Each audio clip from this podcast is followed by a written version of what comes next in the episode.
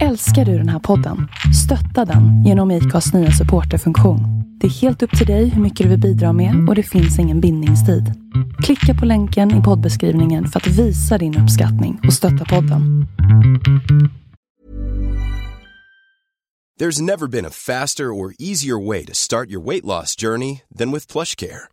PlushCare accepts most insurance plans and gives you online access to board-certified physicians who can prescribe FDA-approved weight loss medications like Wigovi and Zepbound for those who qualify.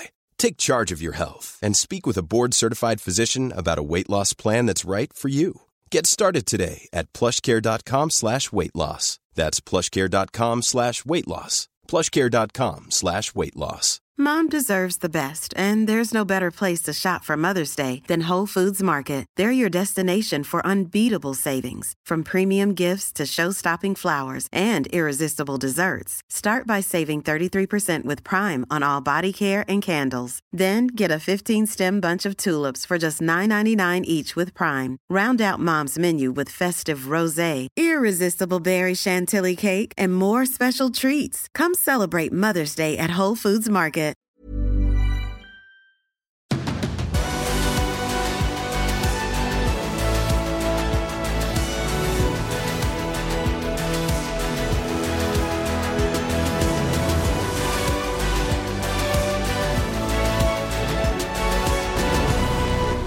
Dags för MotoGP-podden igen. Denna gång eh, nummer 159. Tobias Lajen och Andreas Mårtensson eh, på ny plats. Vad säger du Andreas? Nu sitter vi plötsligt i en eh, hotellobby. Det är inte fel. Nej. I Österrike. Ljust, luftigt, svalt. Det kan man inte säga om eh, utomhustemperaturen. 35 grader idag. Jag känner mig lite lätt såsig i skallen efter eh, resa till Österrike. Men eh, som sagt var, skön plats att spela in en, eh, en podd på och eh, det blir lite extra puls när man eh, närmar sig racehelg och är i rätt, på rätt ställe för en gångs skull. Ja, i princip är vi ju det.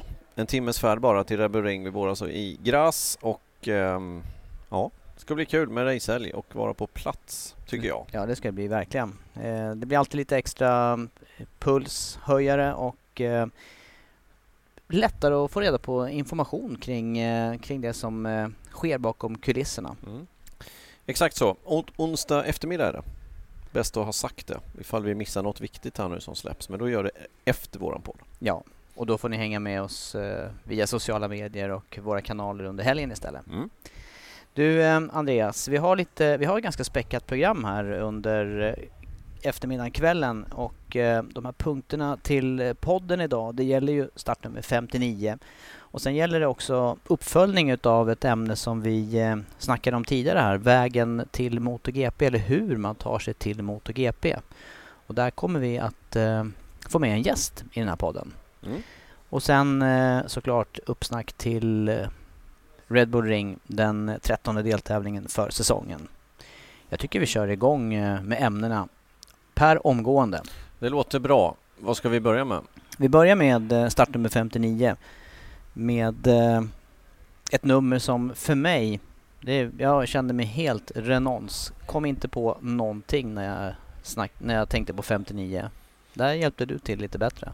Jag kom på en, men sen tog det slut. Och jag kom på uh, Nicolo Canepa.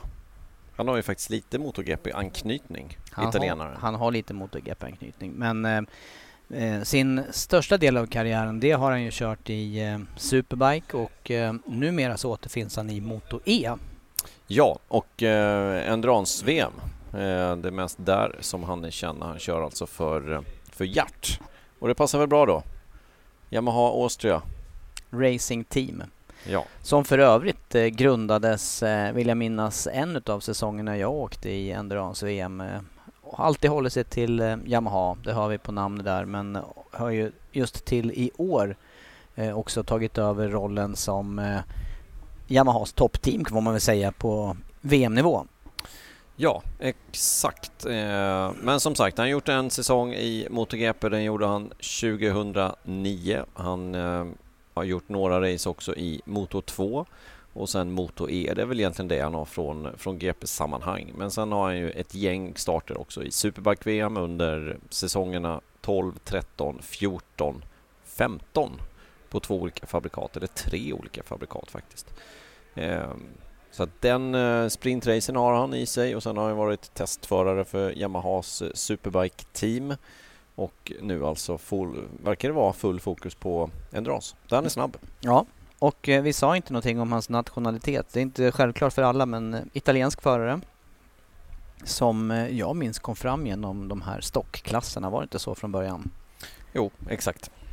Eh, Canepa, eh, ett eh, minne som, eh, som poppar upp när jag tänker på honom det är ju någonting som skedde relativt nyligen, i alla fall de senaste åren här. Det var ett tillfälle på Mugello som inte var så smickrande för honom. Förstår du vad jag pratar om? Ja, det var någon trackday där vill jag för mig och eh, han eh, jag vet inte, han tyckte att någon var i vägen, någon trackday-förare som han såg kanske 10, 15, 20 sekunder, 30 sekunder kanske till och med långsammare än vad han eh, själv gör. Så blev han väl, han fick hjärnsläpp helt enkelt och blev lite arg där och, och på något sätt körde omkull den här föraren och det, det blev väl rättegång av det hela också vill jag för mig. Ja, men det var ju så här huvudlöst, ungefär, eh, inte riktigt i samma kaliber som Fenatis grepp på, på handbromsen där på Misano men, men ändå på, på, ett sätt värre för att det här på en sån här trackday där ska man ju inte komma som toppförare, i alla fall nationell toppförare och bete sig på det sättet. Känns lite onödigt. Känns onödigt ja. Men eh, Endurance-VM alltså och eh, numera i eh, Moto E och eh, ja, mycket tid på, på hoj, kör italienska mästerskapen också i Superbike nu. Mm. Har du några andra konkreta minnen från hans karriär? Eh, nej, det kan jag inte påstå. Det kan jag inte påstå. Nej. Eh, I så fall tänker jag att jag fyller inte heller på med något annat utan eh, det som jag sa, jag, jag kom inte ens på någon 59 från början men eh, det var lite kort om Nicolo Canepa. Ja, men då har vi kommit fram till dagens gäst, Fredrik Berlin och det här är ju eh, syftet med det är ju att eh, anknyta till den punkt vi hade för någon podd sedan Andreas där det handlade om att eh, eh, snacka om hur man tar sig till MotoGP. Ja men exakt. Och, och vi har ju faktiskt eh, några förare som är mitt i det. Och varför inte då prata med en utav dem? Fredrik Berlin, välkommen till MotoGP-podden. Hejsan, tack så mycket. Ja, hej Fredrik. Eh, nu sitter vi på håll här så att eh, vi, eh, vi sitter på plats i Österrike inför MotoGP-helg nummer 13. Var befinner du dig någonstans? Jag befinner mig i Falkenberg, har varit nere i Assen och tävlat precis och kommer hem hit och förbereder mig inför sista SM-deltävlingen här som körs i helgen. Och för oss är det intressant då eh, att höra vem du är och sen eh, någonting om hur du har kommit igång med ditt tävlande och var du befinner dig. Kanske då också mm. någonting om dina framtidsdrömmar som jag antar kan sträcka sig så långt fram som till eh, GP eller i alla fall VM-klasser på något sätt. Absolut, absolut. Du får gärna berätta lite grann om eh, dels då vad du heter, hur gammal du är och var du kommer ifrån och lite grann hur du tog dig in i eh, motorcykelsporten och racingen. Ja, men precis. Ja, som sagt, jag heter Fredrik Velin. Jag är 18 år gammal. Jag är född och uppvuxen i Falun. Jag är elitsatsare inom roadracing i klassen Supersport 300 och eh, tycker att det är jäkligt roligt att köra motorcykel. Eh, när jag inte tävlar och är ute och reser land och rike runt och kör motorcykel så pluggar jag på gymnasiet eh, med inriktning på teknikvetenskap. Jag jobbar på Bike Accessories i Dalarna säljer motorcykelkläder och sen jobbar jag även i Arboga på Italia Bike Center. Det var roligt det mm. låter. Jag bara, jag bara flika in här med, med eh, skola, racing, arbete. Det är rätt... Eh, det låter som ett intensivt schema för dig. Ja, det händer mycket och det är, det är jättekul. Och det, det finns inte så mycket, mycket tid till annat. Man får lära sig att planera och, och prioritera. För det ska in träning och det ska in jobb och skola. Och det är många, många saker som ska hinnas med, men jag, jag tycker att det är jätteroligt. Vad, vad, är det som, eh, vad är det som gör motorcykelsporten så intressant för dig?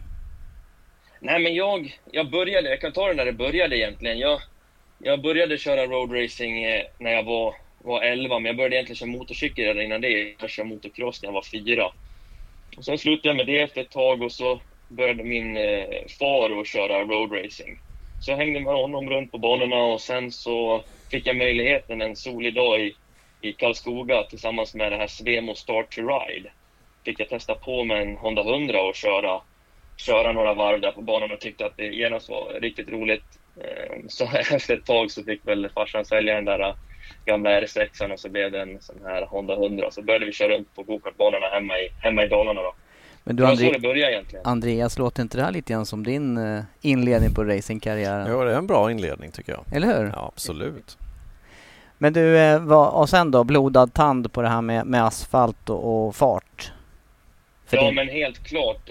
Um, jag började köra runt lite där och, och hade det jäkligt, uh, jäkligt skoj och, och lära mig mer och, och första knäskrapet och allt sånt där. Och, och sen använde jag också racingen mycket som en morot, eller mina föräldrar använde racingen som morot. Jag hade det ganska tufft i skolan och inte så mycket vänner som, som många har problem med. Och, och ehm, det, var, det var tufft ett tag där när man var, var yngre. Men, eh, men racingen fan, blev liksom som motivationen att ta sig igenom det också. Och, ehm, eh, de använde det då för att säga att om, om du ska få köra roadracing och hålla på med, med motorsport, då måste du klara av skolan och du, du måste kämpa dig igenom det. Så det var, det var tuffa tider, men men just racingen blev, blev då moroten för mig att ta mig igenom skolan. Du, eh, när det kom till eh, tävlande då, vad, vad började tävlandet med för någon klass? Jo, det började då i den här mini-GP-cirkusen då. Vi åkte runt på lite Kalmar och det var lite i Västerås tror jag och körde. Det gick, gick väl bra, jag lärde mig mycket. Jag var absolut inte snabbast. Jag kommer ihåg vi vi tävlade lite. Då var det Liam Dafors och det var Unungers. Jag kommer ihåg eh, Emil Täcklund som jag kör med i samma klass nu. Han körde minimotor under den tiden. Och, så det är många ansikten som man känner igen som började, man började lära känna redan där som man nu träffar i, i roadracing-depån i Sverige. Men sen så eh, tog vi det vidare. Jag körde ett år på Honda 100 och sen när jag var, fyllde 12 då eh, testade vi på att köpa en sån här Kawasaki 250 kubikare. Eh, och så började vi testa på lite storbana och köra med den. Och jag var ju ganska liten då fortfarande. Ganska kort, men jag fick, eh, fick dispens att tävla på Bike Week där när jag var 12 år gammal. Man måste egentligen vara 13, men eftersom jag hade kört mini-GP då, så, så, fick jag dispens. Och det gick väl bra tills, tills jag vurpade och, och bröt armen, men jag, jag, tror jag blev fyra eller något sånt, något sånt där eh, till slut. Och, och då fick, eh, på vintern där, fick Eh, Kawasaki Sveriges team upp ögonen för mig och kontaktade mig och, och ville ha med mig i deras team. Och, och så småningom så, så blev det så. Då, ja. Jag började köra med dem säsongen därpå på deras eh, nya Kawasaki 300 eh, i den här A2 Cup som det hette på den tiden. Det heter nu Supersport 300. Eh, och sen har jag kört eh, tillsammans med dem och tävlat med dem eh, ja, ända tills nu då, som jag fortfarande gör. Men du det här eh, Kawasaki i Sverige där, är det Peter Söderholm som är involverad i att driva det där teamet på banorna eller? Ja precis, eh, han, eh, han kontaktade mig och, och, och fångade upp mig där och det, det blev ju också, också väldigt eh, meningsfullt för mig i mitt privatliv. När jag hade det tufft i skolan och ingen trodde på mig, vad jag kände det som, så blev det någon som helt plötsligt trodde på mig. Så roadracing blev ju verkligen något positivt för mig och, och fick mig ännu mer motiverad att, eh, att, eh, arbeta i skolan och, och ta mig vidare. Så att, eh, han fångade upp mig och eh, sen har jag kört, kört med dem ända tills nu då. Och eh, det är han som eh, drar i spakarna där.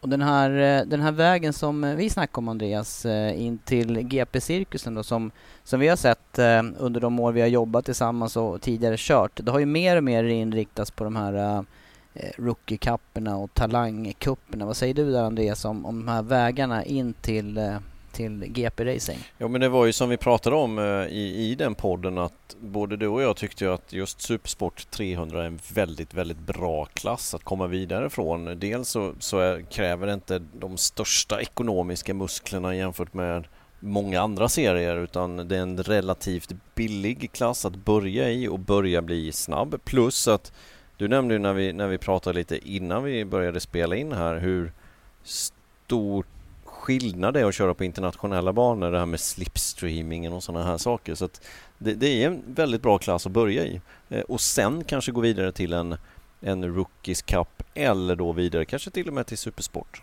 Eller till VM-sammanhang i första hand. För det finns ju en VM-klass Supersport 300. Ja. Kan du inte berätta lite grann Fredrik om det här med eh, upplevelsen från, från Assen som du var och tävlade på och just den här eh, racingen på internationell nivå? Precis. Jag, eh, jag hade kört några år i Sverige och sen så under förra säsongen började det egentligen. Då, kontakt, eller då, då skickade en kompis till mig en länk på Instagram där det var ett tyskt VM-team som ansökte om, om förare då inför den här eh, IDM på, på Assen som skulle gå. Eh, och då ville de att man skulle skicka in sina CV, så jag skickade in mitt CV och, och tänkte att det kommer aldrig bli av att de plockar ut mig. Men, men några dagar senare så fick jag ett svar från eh, Rob Wernergård som är en holländsk teamchef till det här teamet. Då. Eh, och de hade svarat tre personer eh, utav de här 200 som hade skickat in. Och det var jag och, och två italienare. Då. Så jag fick möjligheten att, att, komma ner där och, och eh, visa vem jag var och lära mig väldigt mycket. Redan förra säsongen och så gick det ganska bra. Så de kontaktade mig i vintras och, och jag bestämde mig för att inte satsa på IDM den här säsongen utan att fortsätta köra i Sverige, komma ut och köra några wildcards eh, i år också och lära mig så mycket som möjligt för att sen ta ett stort kliv ut och, och köra utomlands. Då. Och det, det gjorde jag via det här tyska eh, VM-teamet eh, och, och IDM i Supersport 300-klassen. Och själva upplevelsen av en racehelg då på, på Assen jämfört med ett nationellt race hemma, vad, var, vad tar du med dig från, eh, från den senaste helgen? Ja, men det, det är väldigt mycket som är annorlunda. Eh, och det är ju helt klart så att eh, många kan ta klivet ut och, och åka utomlands och, och, köra. Det är egentligen inte i sig eh, supersvårt.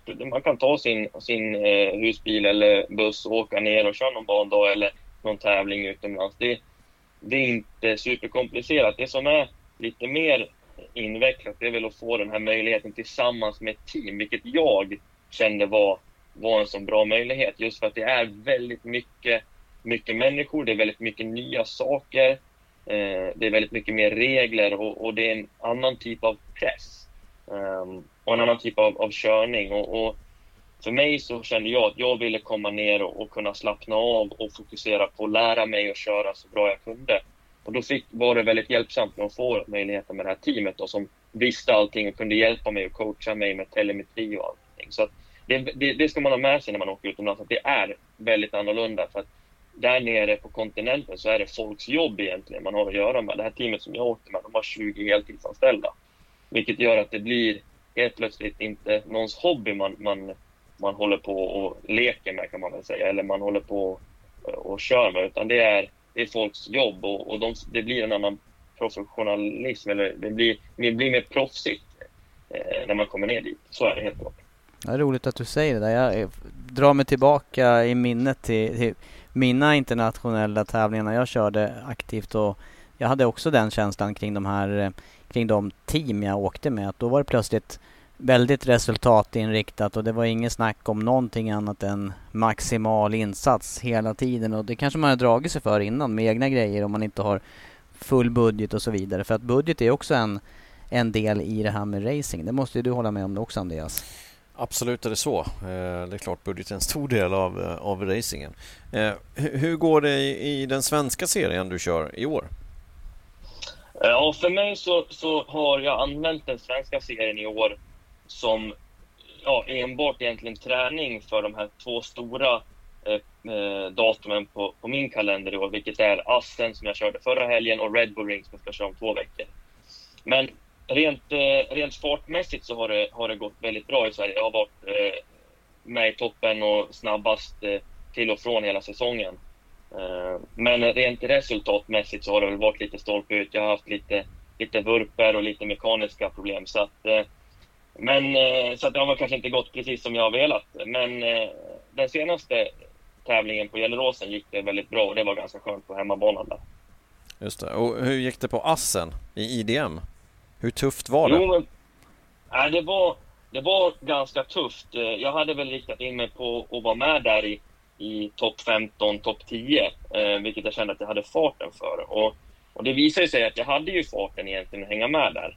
Eh, och vara där uppe och fightas. Men det, det stora, den stora skillnaden som jag kanske inte hade tänkt på eller som jag kanske hade underskattat, det är skillnaden att tävla i en sån här stor klunga som, som man gör där nere.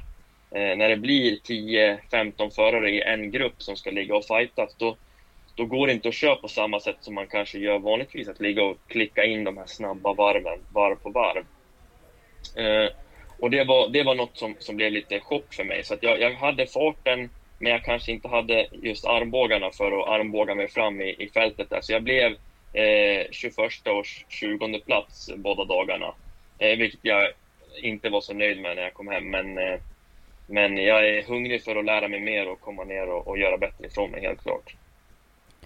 Men målsättningen eller eh, siktet framåt där för din del då, det är just eh, IDM fortsatt eller har du, eller har du omvärderat de planerna i och med besöken här på Assen och så? No, det, det är lite oklart eh, skulle jag väl säga. Mitt, mitt, mitt eh, kortsiktiga mål eh, inför nästa säsong och de kommande säsongerna här, det är helt klart att ta klivet utomlands. Om det blir på, på Supersport 300 i IDM eller VM, eller om det blir på en, en, eh, en annan större hoj utomlands eh, redan nästa säsong, det vet jag inte. Det håller jag på att planera för. Men jag jobbar som sagt med Italia Bike Center och, och har, har siktet inställt på att köra en eh, röd maskin i, i ganska ja, nä, nära framtid förhoppningsvis. Så att, eh, vi får se vad det blir, men eh, målet är helt klart att ta sig utomlands på kort sikt. Och på lång sikt så, så eh, har jag målet att köra just i i Moto-E-VM och vinna Moto-E-VM. Det, det, är den, eh, den stora, det stora långsiktiga målet som jag har. Då passar det väl ganska bra då att köra en röd maskin i och med att det ska bli enhetsklass i Moto-E nästa år? Ja, exakt. Ja, precis. Du, eh, vad, eh, vad handlar om, vi, var, vi har varit inne och snuddat på det bara, men va, eh, budgeten här. Vad handlar det om för budget om man kör dels nationellt, om du ska köra mästerskapet på hemmaplan, en årsbudget och, och vad, vad, vad handlar det om för hopp då man behöver ta för att eh, köra motsvarande satsning i IDM till exempel, eller VM? Ja, och då pratar jag det... Supersport 300 här då. Ja, precis, precis. Och det, det, det beror helt på. Eh, det är en väldigt svår fråga, men, men det, det, det, viktiga man ska ha med sig, som jag har lärt mig och som jag, jag har tyckt är jäkligt spännande med den här eh, satsningen som jag har valt att göra, det är att eh, jag har förstått hur stor bit det är med just eh, budgeten för, för, att klara av racing. Att köra fort, det är kanske 30 procent, men 70 procent, det är att vara en en entreprenör och, och, driva egentligen ett företag om man ska göra det själv. För att jag gjorde precis som, som alla andra gjorde i början med att min pappa stöttade mig och, och tyckte att det var kul och, och hjälpte mig ekonomiskt. Men vi hade alltid som målsättning att när jag fyllde 17-18 då skulle jag ta över och driva det själv. Att jag skulle betala allt själv. Och det gör jag.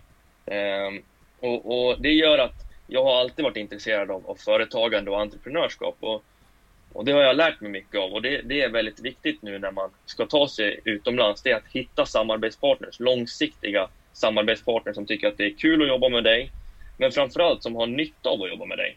Eh, och när det kommer upp på de summorna som det kan göra upp mot en, en halv miljon som det gör när man ska utomlands på en Supersport 300, då är det viktigt att, att hitta samarbetspartners och företag som vill knyta sig an till ditt varumärke och sen kunna skapa ett värde tillsammans. Eh, och det, det, tycker jag är en jäkligt spännande resa som jag, som jag har fått uppleva i vinter och, och dragit in sponsorer och, och hitta samarbetspartners eh, och eh, som jag har lärt mig mycket av och som jag längtar efter att ta vidare och, och, och hitta fler och, och utveckla de, de samarbetspartners och samarbeten som jag har nu. Roligt att höra. Det, till, det låter jättespännande och lärorikt för dig själv också som, som person och även kopplat till det här med utbildning. Jag menar, det är ju så, det, det låter ju som att eh, då, då, blir ju racingkarriären en, ett ben och sen lär, lär du dig massor på vägen utav det här också.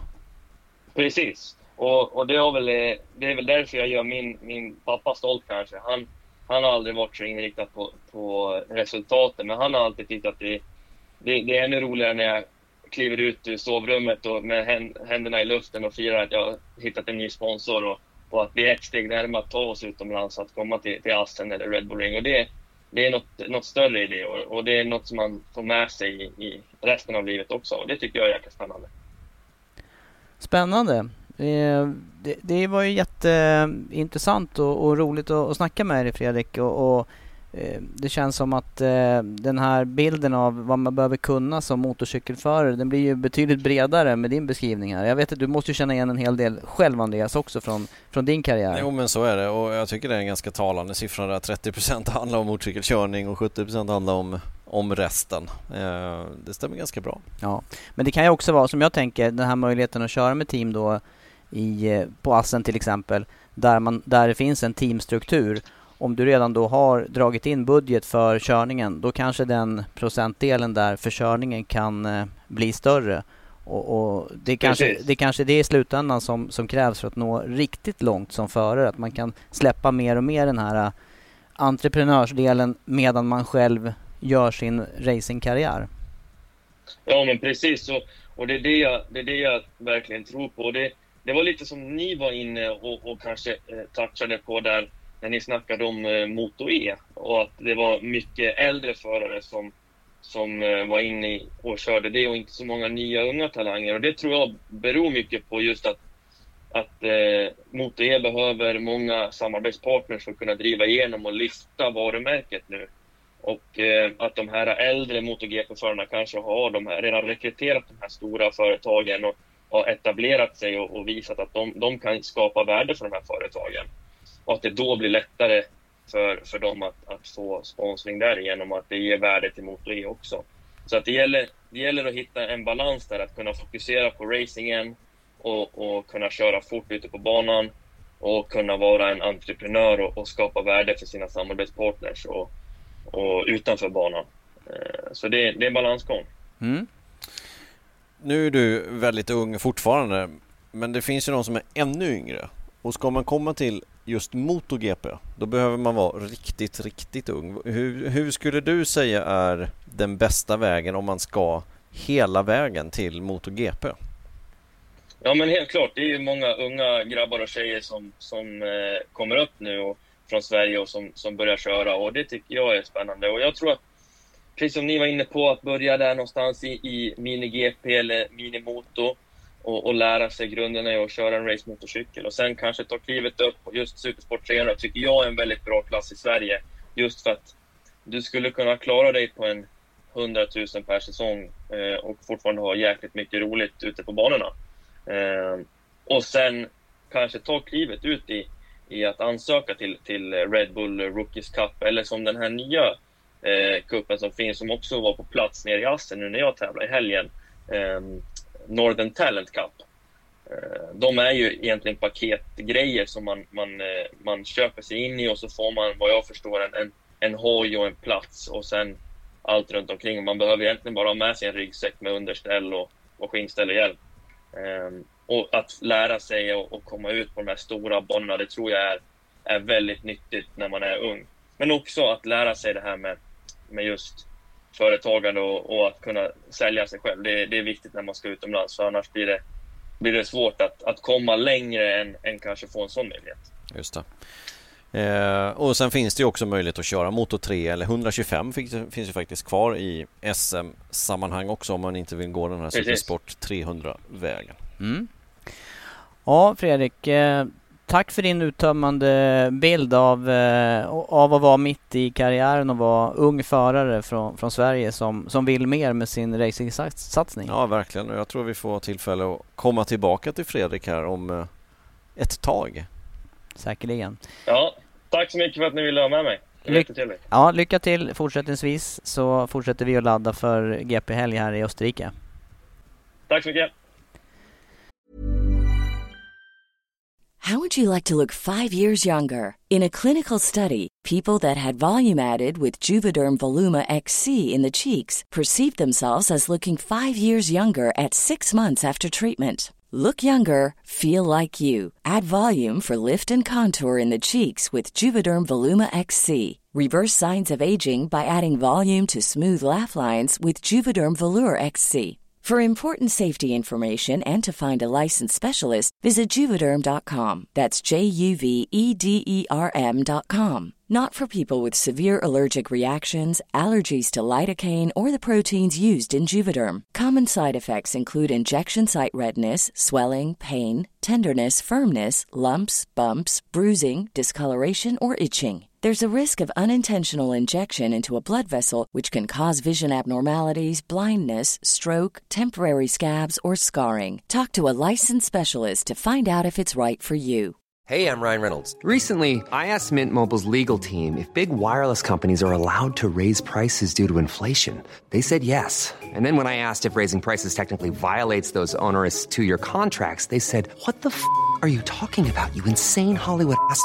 So to recap, we're cutting the price of Mint Unlimited from $30 a month to just $15 a month. Give it a try at mintmobile.com slash switch. $45 upfront for three months plus taxes and fees. Promo rate for new customers for limited time. Unlimited more than 40 gigabytes per month. Slows. Full terms at mintmobile.com. Hey there, it's Michelle Norris. I'm host of a podcast called Your Mama's Kitchen. When I travel, I'm usually looking for a way to find a taste of home when I'm not at home. And one of the things I love to do when I am at home is entertain. And Airbnb allows me to do that. When I was in California recently, I rented a house that had a great kitchen. And when we were sitting around the table, we're all thinking, we're in someone else's house. Someone could be in all of our homes as well. If you have a home, but you're not always at home, you have an Airbnb. Your home might be worth more than you think. Find out how much at airbnb.com/slash host. Då blir det dags att eh, vända blicken eh, aningen eh, västerut. Ungefär en timme härifrån där vi sitter nu Andreas. Eh, där vi är i eh, Graz alltså. Vi ska vidare mot eh, Spielberg eh, och eh, börja förbereda en ytterligare racehelg på Red Bull Ring. Eh, vad finns det att säga om eh, banan först och främst? Ehm, tio kurvor. Tills i år 11, jag vill säga att det är 11 kurvor, även fast de har döpt den här nya. Det är ingen chikan egentligen, utan det är som en eh, kurvkombination format som ett Z. Eh, och då ska det alltså heta 2A och 2B, de här två kurvorna. Eh, och eh, den här kurvkombinationen är ju alltså mellan kurva 1 och 3. Eh, och anledningen är ju den här våldsamma kraschen då som skedde för två säsonger sedan när eh, Sarko och Morbidelli kraschade och det var ju så nära, så nära det bara går att Rossi och Vinales blev inblandade också. Eh, och just i kurva 2 där, den är ju, det var ju inte bra helt enkelt utan nu har man gjort en annan förändring på det och det blir ju spännande att se hur, hur det här kommer bli. Eh, jag är inte superentusiastisk direkt när man ser det för det, det, kan, eh, ja, det kan bli väldigt yxigt igenom det där partiet. Och, och frågan är faktiskt om det är, om det är säkrare som det är. För det finns ju fortfarande möjlighet om man bromsar omkull sig. För, för ingången till, det, bör, det svänger ju först då höger och sen vänster. Men ingången till första högen, den är ju svagt, svagt vänster. Jag tänker mig... Vi får en liknande situation. Liknande. Ja. Och jag, jag tänker mig i regn där om man går omkull, då skulle man mycket väl kunna åka på den gamla bansträckningen och, och strika någon och då är den också på väg liksom i 90 graders åt höger. Ja. Nej, jag, jag vet inte. Nej, jag vet inte heller. det Det känns, man har byggt bort ett problem men man kanske har skapat ett annat problem Ja. på köpet. Så känner jag innan racehelgen har dragit igång. Sen får vi Sen får vi väl ge det några träningar. Ja, nej men det är precis som du säger, det här, just det här nya partiet det är det som, är, som man är mest spänd på och eh, det är ett spännande läge i mästerskapet också. Trettonde racehelgen för säsongen och eh, blickar vi bara tillbaka till förra racet så var det ju Banjaya för Vinales med Miller på tredje plats och den som har eh, forsat fram och eh, tagit in massor av poäng de senaste eh, två racen det är ju Francesco Banjaya som nu bara är 49 poäng bakom Quartararo och däremellan Alicia Sparger 22 poäng bakom. Så att det är... Eh, och tittar man på, på formen så är det ju Banjaya som har medvind just nu. Ja, det är det ju verkligen. Två raka segrar och eh, gjort bra resultat de senaste racen. Han har kraschat ur visserligen då. Men på de sju senaste racen så har han alltså fyra segrar, fyra nollor. Eller tre nollor. Och tar vi de tre nollorna, vi har ju pratat om det här både i sändning och i podden innan, men de tre nollorna det är alltså Le Mans när han eh, tittar upp på skärmen och kraschade från en säker andra plats i det läget. Bastianini har precis kört förbi honom. Det är på eh, Barcelona när Nakagami drog omkull honom i starten. Då var han ju med högt uppe på griden, hade jättebra fart. Eh, och, och sen är det ju på Sachsenring där han då precis i bakhjulet på Quattararo inledning på racet där. Så att det är ju från topppositioner och de där 49 poängen skulle han kunna ta på de där tre racen. Så att han, han är verkligen med nu och, och på något sätt så nu har vi de tre. Det tog 12 race eller vad är det? Det har gått. Det är 13 race helgen nu. Det, det tog 12 race. Sen hade vi de där tre högst upp som vi kanske eh, trodde Eh, åtminstone Quattararo och Banjaya. Alice Spargo är ju fortfarande ett, eh, ett litet utropstecken. Ja, det får man säga. Och, och eh, jag, kan inte låta heller, jag kan inte låta bli heller att tänka på de segrar som har varit på den här banan hittills. Det har varit europeiska fabrikat, det har ju varit eh, stark Ducati-dominans. Sen har vi då i och för sig KTM-segrar också, inte minst eh, Binders seger i den andra racehelgen här förra året. Hur höll han sig på hjulen? Ja, det, det är en gåta för mig. Köra på slicks. Ja, det spann ju hela varvet för honom. Eller han höll på att tappa framhjulet runt hela, runt hela banan när det började regna. Mm. Det var en spännande avslutning på den, eh, på den racehelgen. Och, eh, men, men tillbaka alltså, europeiska fabrikat i topp här i mängd. Framförallt Ducatin. Ja, men eh, frågan är vad som händer nu då med den här nya bansträckningen, nya kurvkombinationen. För innan har det varit tre väldigt långa raksträckor och den, den längsta raksträckan med högst toppfart har ju varit just den mellan kurva 1 och 3, den som man nu alltså har byggt om. Så de kommer ju tappa lite där i toppfart. Frågan är då hur, hur det kommer bli istället för de är ju bra under inbromsning, det är en hård inbromsning och de är bra under acceleration upp då till kurva 3 sen. Så att Ja. Ja. ja. Ja, det är svårt så här inför helgen. Ja, det är svårt och, det går ju också att väga in det faktum att eh, det senaste racet här på kalendern på Silverstone var det näst jämnaste någonsin i topp 10 och gick också in högt på listan i, i jämnhet i topp 15 men just topp 10 där 6,5 sekund drygt blev det.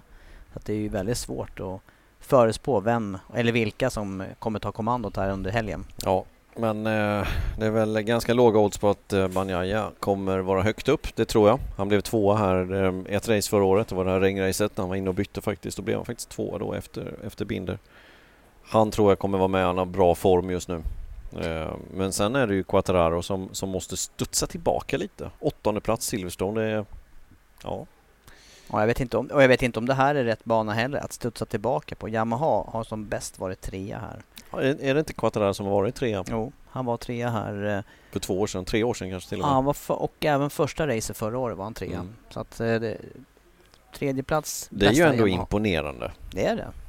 När det var den basräkningen. Ja, och eh, att Yamaha då har haft lite underläge vad det gäller motoreffekt och toppfart och så. Det här är ju faktiskt den bana på kalender som har högst snittfart också. Eh, det får vi se vad det blir för snittfart nu då med ny sträckning här men över 180 km i timmen i snittfart annars. Stora nivåskillnader också. Effektkrävande kan man ju säga. Eh, som ett sammanfattande ord kring, kring bansträckningen. Verkligen. Du, eh, vad, vad, säger eh, väderprognoserna då för helgen? Eh, just nu rejäl värmebölja och stekande heta mm. temperaturer på dagarna, runt 35 grader. 35 grader idag ja. Eh, imorgon ungefär lika lång, eh, lika varmt. Fredag, ösregn som det ser ut just nu. Vi får väl se. Det har ändrats lite under veckan och sen det betydligt svalare temperaturer lördag, söndag. Eh, kan bli intressant helg vädermässigt som det brukar vara här. Vi har ju sett några flag to flag här. Mm. Eh, och eh, då finns det ju andra namn att blanda in i leken om det skulle vara regn. Inte minst då eh, Binder, ett av namnen. Har vi några fler regnspecialister som du tänker på? Miller. Ja, och han körde bra på torrt senast också i, på Silverstone. Och varför inte Oliveira? Vann regnracet på i Indonesien. Ja. Det finns ett gäng helt enkelt. Sarko. Ja, men du, det här med, eh, med eh, bansträckningen som är ny då, tror du att det kommer att eh, påverka däcken nämnvärt? Då? Det är en ganska krävande bana för, för däcken med tanke på höga snittfarter och sen att det är ganska ensidigt högersvängar på varvet. Mm. Det blir intressant att se just den vänstersvängen där i den här kombinationen 2B med andra ord. Eh, och eh, om det kommer vara krascher där. Ibland ser vi krascher åt vänster när man inte kört åt vänster på ett tag. Nej, för det är ungefär, om man, om man tittar på banlayouten så är det ju nästan mitt över mm. den senaste vänstersvängen ligger. Så det är ju nästan ett halvt varv emellan. Ungefär. Ja. ja Kanske bli... inga problem på, ja, på fredag beroende på vad det blir för temperatur och väder givetvis. Men... Nej. Ja. Nej, det är en eh, intressant eh, period och en viktig period i eh, mästerskapet som sagt var. Och eh, de här förarna då som jagar Quartararo eh, Ja, vi har ju, vi har ju dessutom att se fram emot den här helgen eh, fighten om den sista Ducati-styrningen och där måste det ju vara högtryck efter racet på Silverstone mellan Martin och Bastianini också.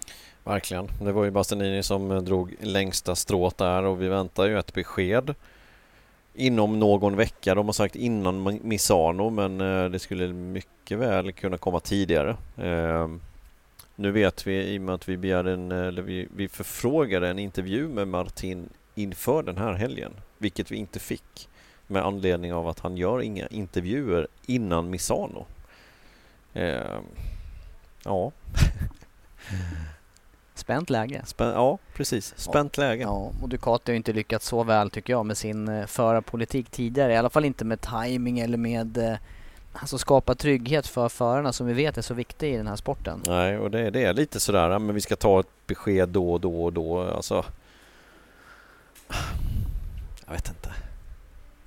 Vi har ju många exempel på eh, i negativ riktning då när förare känner sig osäkra på sin position och, och på något vis pressa fram någonting som inte finns där och så blir det krascher och så blir det en negativ spiral medan förare som har sitt klart och vet vad som händer kommande år eller de två kommande åren kan blomma mer, ut. Ja, kör mer avslappnat. Ja. ja. Ja, nej, det, det, behöver komma snart skulle jag säga, det beskedet. Hoppas ja. att det kommer kanske till och med i helgen, annars så till, till nästa racerlopp som är på Misano om två veckor. Du, lite kort också om den här helgen. Eh, vi vet att Mark Marquez kommer att vara på plats. Vad kan vi förvänta oss eh, från honom? Han kommer att hålla en eh, särskild kort presskonferens under morgondagen. Ja, eller om det möjligtvis var bara en sån där eh, eh, en synk helt enkelt. Eh, något utav dem. Han kommer ge någon typ av eh, svara på frågor, ja. information. Och sen kommer han ju vara på plats eh, som du säger och vara i Honda-boxen, Repsol Honda-boxen för att eh, kunna hjälpa till helt enkelt med, eh, med utvecklingen av cykeln och, och ja, vara en del av teamet igen. Det var ju ett tag sedan, det var ju Mugello senast.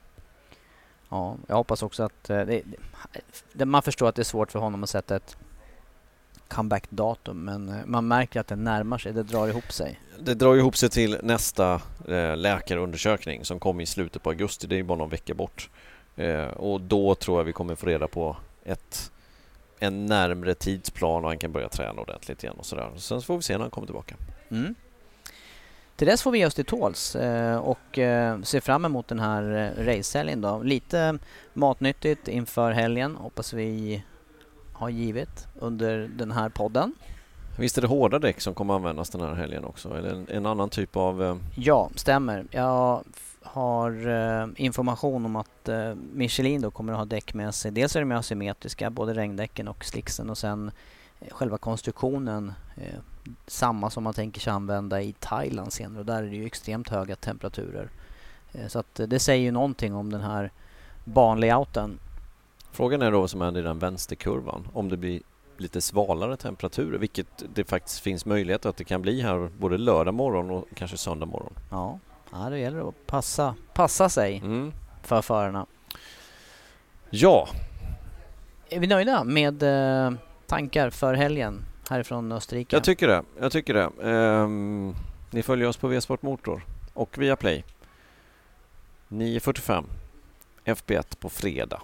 Och sen har vi ju studio från 13.25 på söndag inför racet som startar 14.00. Toppen, tack så mycket!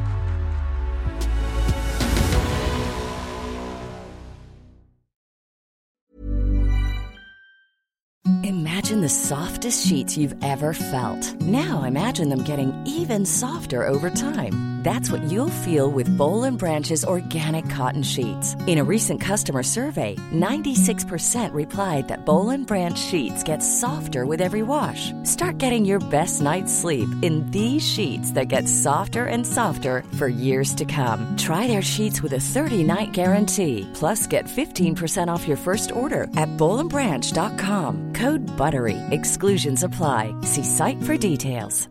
Mom deserves the best, and there's no better place to shop for Mother's Day than Whole Foods Market. They're your destination for unbeatable savings, from premium gifts to show-stopping flowers and irresistible desserts. Start by saving 33% with Prime on all body care and candles. Then get a 15-stem bunch of tulips for just $9.99 each with Prime. Round out Mom's menu with festive rosé, irresistible berry chantilly cake, and more special treats. Come celebrate Mother's Day at Whole Foods Market.